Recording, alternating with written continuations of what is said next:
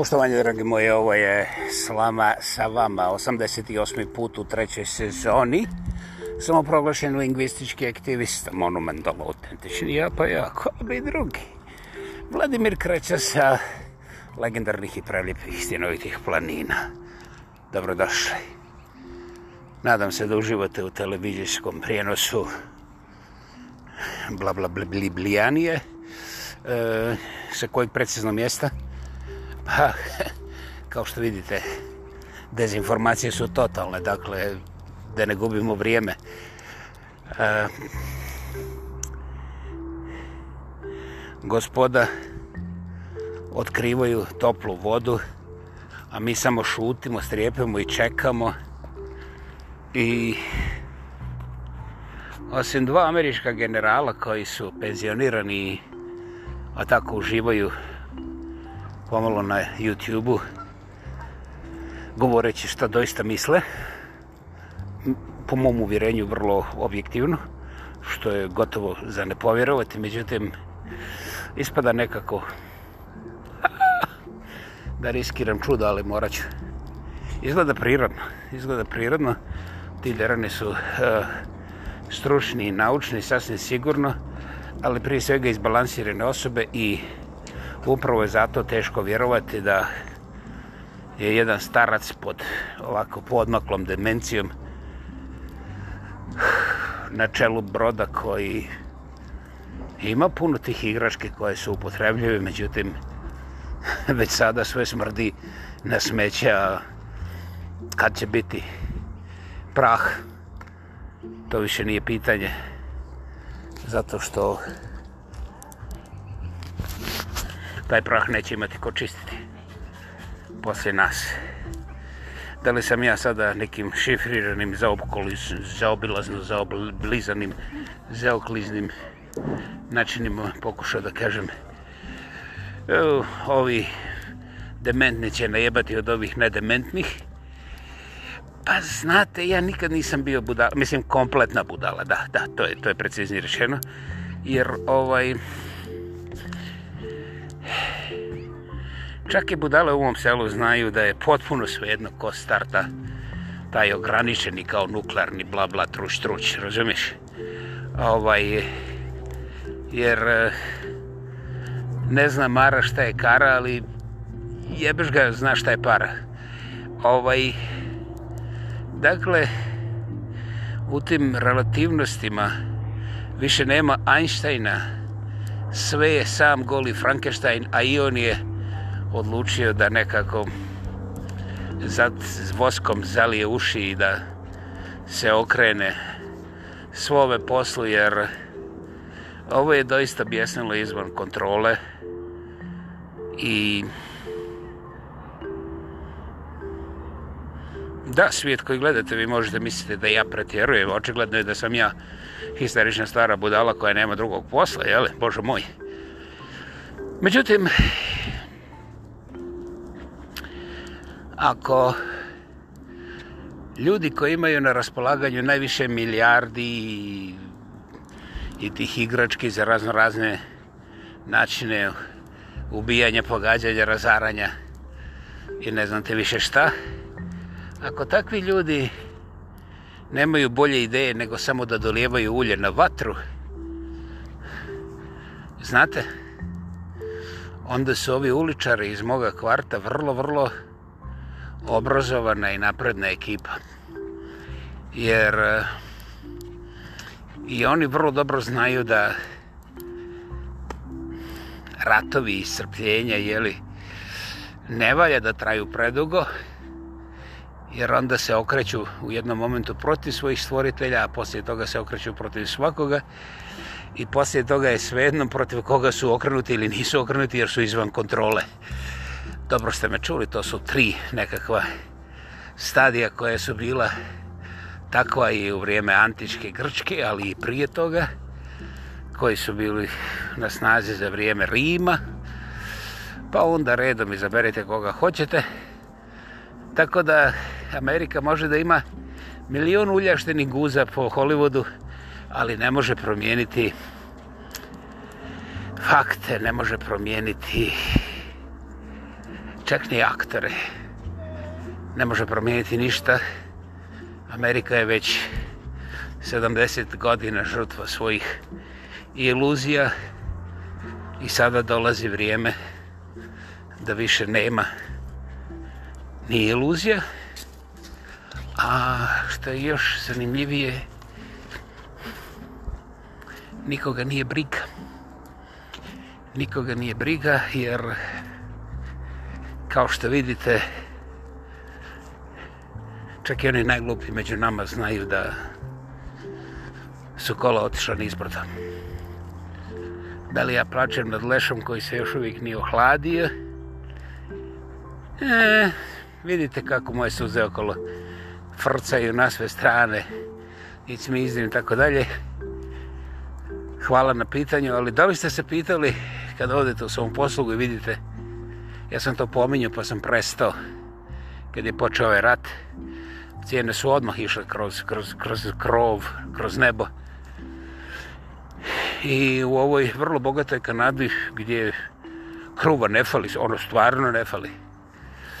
Ovaj, prošle godine, već u proljeće, sam prvi put doživio da mame više ne ulaze u, u dućane, u samoposluge sa djecom znatno manje nego prije. To se to se jednostavno vidi, ne moraš biti stručnjak. A onda kad uđu, mame strašno pate jer moraju da vode i te kako računa da dijete ne provedu onim putem tamo gdje ima onih slatkiša, pa onda onih šarenih igračaka, pa onda tako dalje. Jer ako dijeta slučajno zaplita čokoladicu, pa onda još prođe pored igrački, mislim, mama je odmah u bankrotu. Um, možda pretjerujem, dao Bog da pretjerujem. Međutim, um, zvanični podaci govore da je u ovih zadnjih 12 meseci broj djece koja su pogođena sirotinjom, sirotinskim statusom, znači onim statističkim, premašio 5 miliona. Dobro ste čuli, bogata. Bogata predebela Kanada, ima 5 miliona sirotinske djece. Ko to i kako hrani, jer ipak još uvijek ne umire od gladi. Mislim, barem ne toliko da bi se statistički moglo ovaj, raportirati za javnost. Ne znam, nisam istraživo. Stegne mi se srce kad pomislim na takvu mogućnost. Međutim, to je činjenica neizbrisiva. Uh, A naši političari, ovi ovde, demokrate, normalno, nemojte vi meni sad tu, znaš, ovaj, oni vode računa, utrkuju se da ne samo desetke i stotine miliona, nego milijarde, prave pravcate milijarde, u što većim količinama, pretvore u metke, kasetne bombe i ovaj, sve te slične ovaj, alate za ubjeđivanje Rusa, jer to nije oružje, mislim, jer Rusi onako nisu ljudi, to se ne računa, ovaj, da pošalju što više u Ukrajinu, jer kada ukrajinski ludak i diktator jeste, ovaj, ja sam se dugo vremena uslučavao, međutim, ako jedan čovjek ide okolo u sporskoj majici i na krlji na tu majicu grb kao svoje države, a ne izgleda ni kao sportaš, ni kao glumac, onda nije ni junac, onda je to što jest kako se potpisuje. Mislim,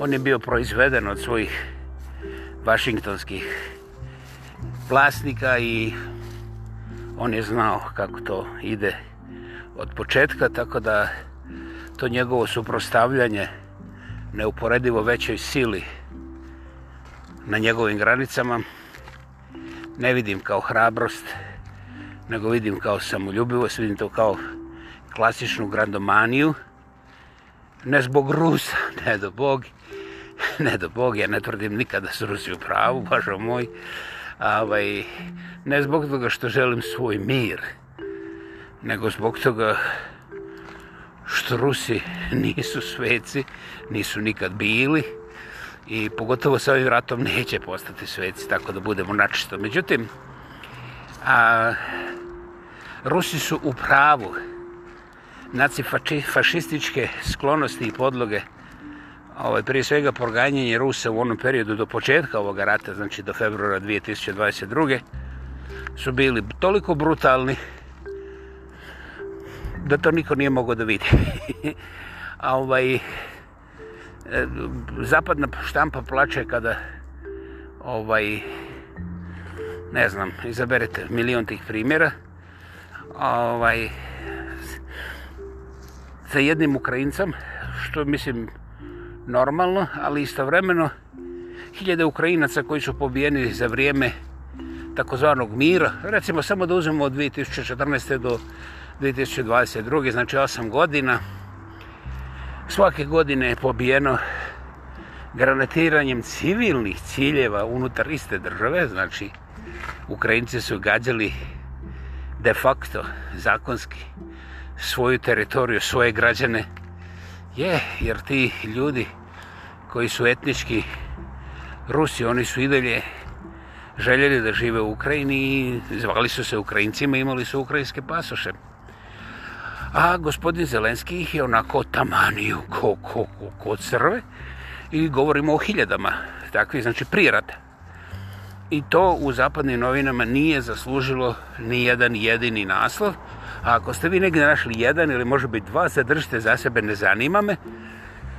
Iz zilio razloga, ali danas me ne zanima bez razloga. Jednostavno, hej, meni je sve jasno. Ukrajina je prije početka ovoga ruskog, ruske ove agresije bila najslužbeno najkorumpiranija zemlja u Europi.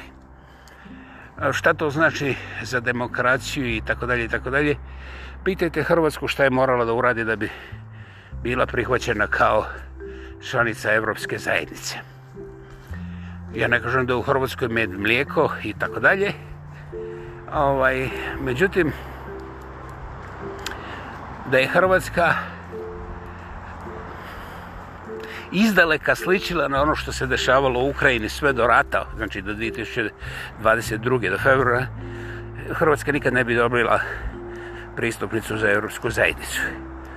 Ja ne bih nabrajao odakle meni takva argumentacija, jer lista gadosti, to državnih, institucionalni gadosti, ne samo ubijanje tih Rusa, mislim, pobih koliko hoćeš, to se jednako ne računa, nego nevjerovatne mafijaške aktivnosti i jednim ogromnim dijelom ovi američki ovaj oligarsi, oni su koristili Ukrajinu za pranje svoga novca, sklanjanje e, poreskih novaca koji su bili dužni američkoj državi i to ovaj imali su popuste iz najšeg vrha države zbog toga što su usputno jeli, eksperimentirali sa raznoraznim oružjem, sa raznoraznim kemikalijama, sa... Iu, izaberite, nema kupler raja koji možete pomenuti, a da se tamo nije dogodio. I naravno, svi su ti dereni, nevini, naivni i nedaknuti, jer ne može niko da ih dirne zato što su oni ovaj demokrate. I što su im tate stanovnici bijele kuće i šta je znam, i tako dalje, i tako dalje. A svijet se pretvara da to sve ne znači ništa, jer ako ne zaustavimo Ruse, jebote miš, pa ne samo da će nas pogromiti, razumiješ, nego ćemo dobiti proljev. I ja baš nešto mislim da je dobro da pustimo Ruše da nas sve ovaj pogrome, jer kad sam ja pogromljen, ja mislim da sam onako, šta je znam, recimo murtav, I kako Murtav može da biti proljeb, to mi ne ide ni u glavu, ni u gaće. A ovaj, ali interesantno da ljudi vrlo ozbiljno to trabunjaju, recimo Poljaci se nadaju, znaš, gur mrd lijevo desno da će onako jedan dobar komad Ukrajine skinuti za sebe, znaš da ne bude tim gružnim i, i nakaznim i nesposobnim Rusima. O, ehm, ovi gore Litvanci i ova ekipa, ovi ovaj, oni imaju svoju računaljku i tako dalje. Ali čini se da Amerika da Amerika ima svoje vazale u svakoj državi Evropske zajednice, osim jedino što Orban eto, ima nešto svoje kičme, možda ovaj Turčin, ali i on polako omekšava i ovaj, e, sve je u američkom džepu. Jedina stvar je što je Amerika impotentna, i što se raspada, ali eto to se ne vidi, pa onda Amerika dođe i drži nastav ovim evropskim beskičmenjacima, šta će da urade kontra ruske opasnosti, znate. I ovaj, koliko treba još oružje da se dospe kod Zelenskog. Zelenski je dobio od mene najniže moguće ocjene, ovaj, ali on je istovremeno za mene dokaz da da ta takozvana zapadna civilizacija prije svega USA imperi, impa, imp, uh, imperija uh, e, USA imperija se raspada već od onog momenta kada je cijelu jednu religiju proglasila terorističkom. Da, da, dobro ste čuli kada se radi inženjering rata kontra Sadama Huseina onda odjednom, razumiješ, i meni je to bilo ponižavajuće i naporno. Bilo mi je drže biti u vojnom zatvoru u Nišu nego u Kalgariju tih godina kad su rekli, joj, ako ideš u glavni ovaj trgovički centar u Šinuk, tamo, znaš, može ovaj bradati, znaš, ako vidiš nekog bradatoga, ili, znaš, ako ima nešto omotano oko stomaka, to može biti bomba, čak na naslovnim stranicama. To su ugodno zaboravili, znate. 20 godina kasnije, to niko ne zna da je postojalo. A, ja sam mislio, počekajte, pa svi se ponosite kako smo mi, Amerika, najjači, mislim, Kanada i USA, i kako ne smije niko da... Sad su svi usrali ovde na krajnjem zapadu, jer Znaš, Calgary je ovaj, 6000 km od Washingtona zapadnije, znaš, ovako, bliže, bliže Japanu nego Washingtonu. Ovaj, ali se usrala rulja, ja sam to gledao, doživljavao sam. I onda su ovi meni pričali, kako ne možeš ti tako da se, znaš da jebavaš. Interesantno, ja nisam ljudima pokušao objasniti baš ništa, ali tu i tamo sam rekao, čoviče, mi imamo te nuklearne bombe, te F-16, što je zelenjavo men poludio za njima. I sad se plašimo od jednog bradatog nekog tamo koji će doći sa bombom i reći Allah bar, zrviši, svi se usiru. I ovaj... Tu mi je bilo jasno. Ja sam napisao više članaka na svoje personalnoj stranici. I to je bio moment kada sam ja ovaj, napisao moj običuari za Imperiju USA i zapadna kultura, jer ja nisam branio islam, ali me bilo sramota pred mojim prijateljima islamcima, koji nisu prije svega bosanci, većina mojih prijatelja islamaca su gotovo iz svih zemalja ovoga svijeta, divni ljudi i oni nisu moji prijatelji zato što su islamske veroispovesti, nego između ostalog u svim našim kvalitetima zbog kojih se družimo, oni su i islamci i onda ja njih po tome ne dijelim, ali ovaj, kada ih vidim znam koji su i moram da im kažem čoveče sramote me, ja neću trčati da provjeravam, provjeravam imaš li ti bombu sa krvenu u cipeli, da li ti plaćaš nekog muđahedina tamo da ubije američke vojnike, jer onaj ko želi ubijati američke vojnike, znaš, tu mladost koju ja također poštujem, jer to su prije svega mladići koji su uvjereni da rade nešto strašno, dobro i važno, ali ja im ne želim smrt, jer ja znam da njihove majke i očevi su ponosni što njihovi sinovi, eto, mogu da rade neke važne poslove za svoju državu. Međutim, ta država je pogana i u džepu oligarha, da, da, oni samo kažu da su Rusi oligarsi, oni nemaju Amerike oligarhe, ne, ne, ne, ni slučajno, oni imaju demokrate koji su to sve pošteno proizveli guleći sa kineske kože, bože moj, kao što vidite, a poslije toga objašnjavaju demokraciju i definiraju sve živo. Ne postoji stvar kojoj oni nisu poklopac i ovaj, I to je sasvim normalno. Oni drže drugima nastavu kako ne smiju da pričaju previše, oduzimaju vrijeme, pa su osjetljivi, pa su ovakvi, pa su onakvi, znaš, ali Amerikanci nikad ne džađu. Razumiješ?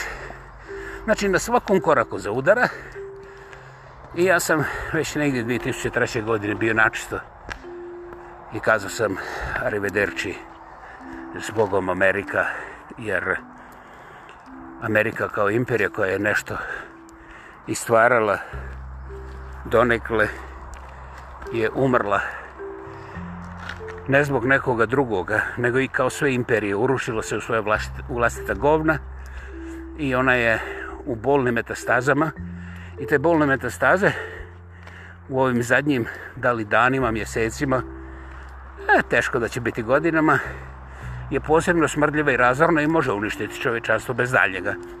Mislim, jedan starkelja zna da ga nijedan novac ne može obnoviti da bude novi, Ali isto tako, ako pritisne crven gumbić na no, onda zna da je hebo nanu i, i, i, i, i našima i njizinima, razumiješ?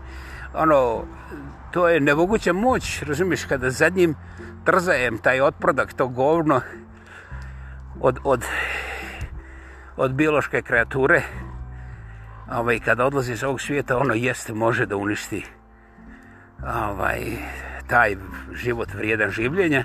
Naravno, poslije toga ono što preživi bit će bijedno i zarobljeno decenijama. Možda čak i go, kompletno istrebljenje vrste, što je bilo okej. Okay. Po meni to je okej. Okay. Ali nije okej okay da se to dešava u ime demokracije i u ime jedinog izlaza kontra ružnih, glupih i nesposobnih Rusa, jer uh, ako malo bolje pogledamo, kada su Rusi 62. godine došli do Kube, Amerikanci su podigli na noge čak i svoje mrtvace. Sada, kada su Amerikanci samo dva koraka od toga da se ušetaju u Mosku, oni se čude šta je tim glupim Rusima, što se nerviraju, jer oni samo ovaj hoće da imaju NATO u predgrađu Moskve. Um, Zamislite da meksička vlada odobri Rusima dvije, tri vojne baze u Meksiku, bilo gdje. Zamislite, pokušajte to. Ja sam slušao šta o tome misle ovi američki generali i onda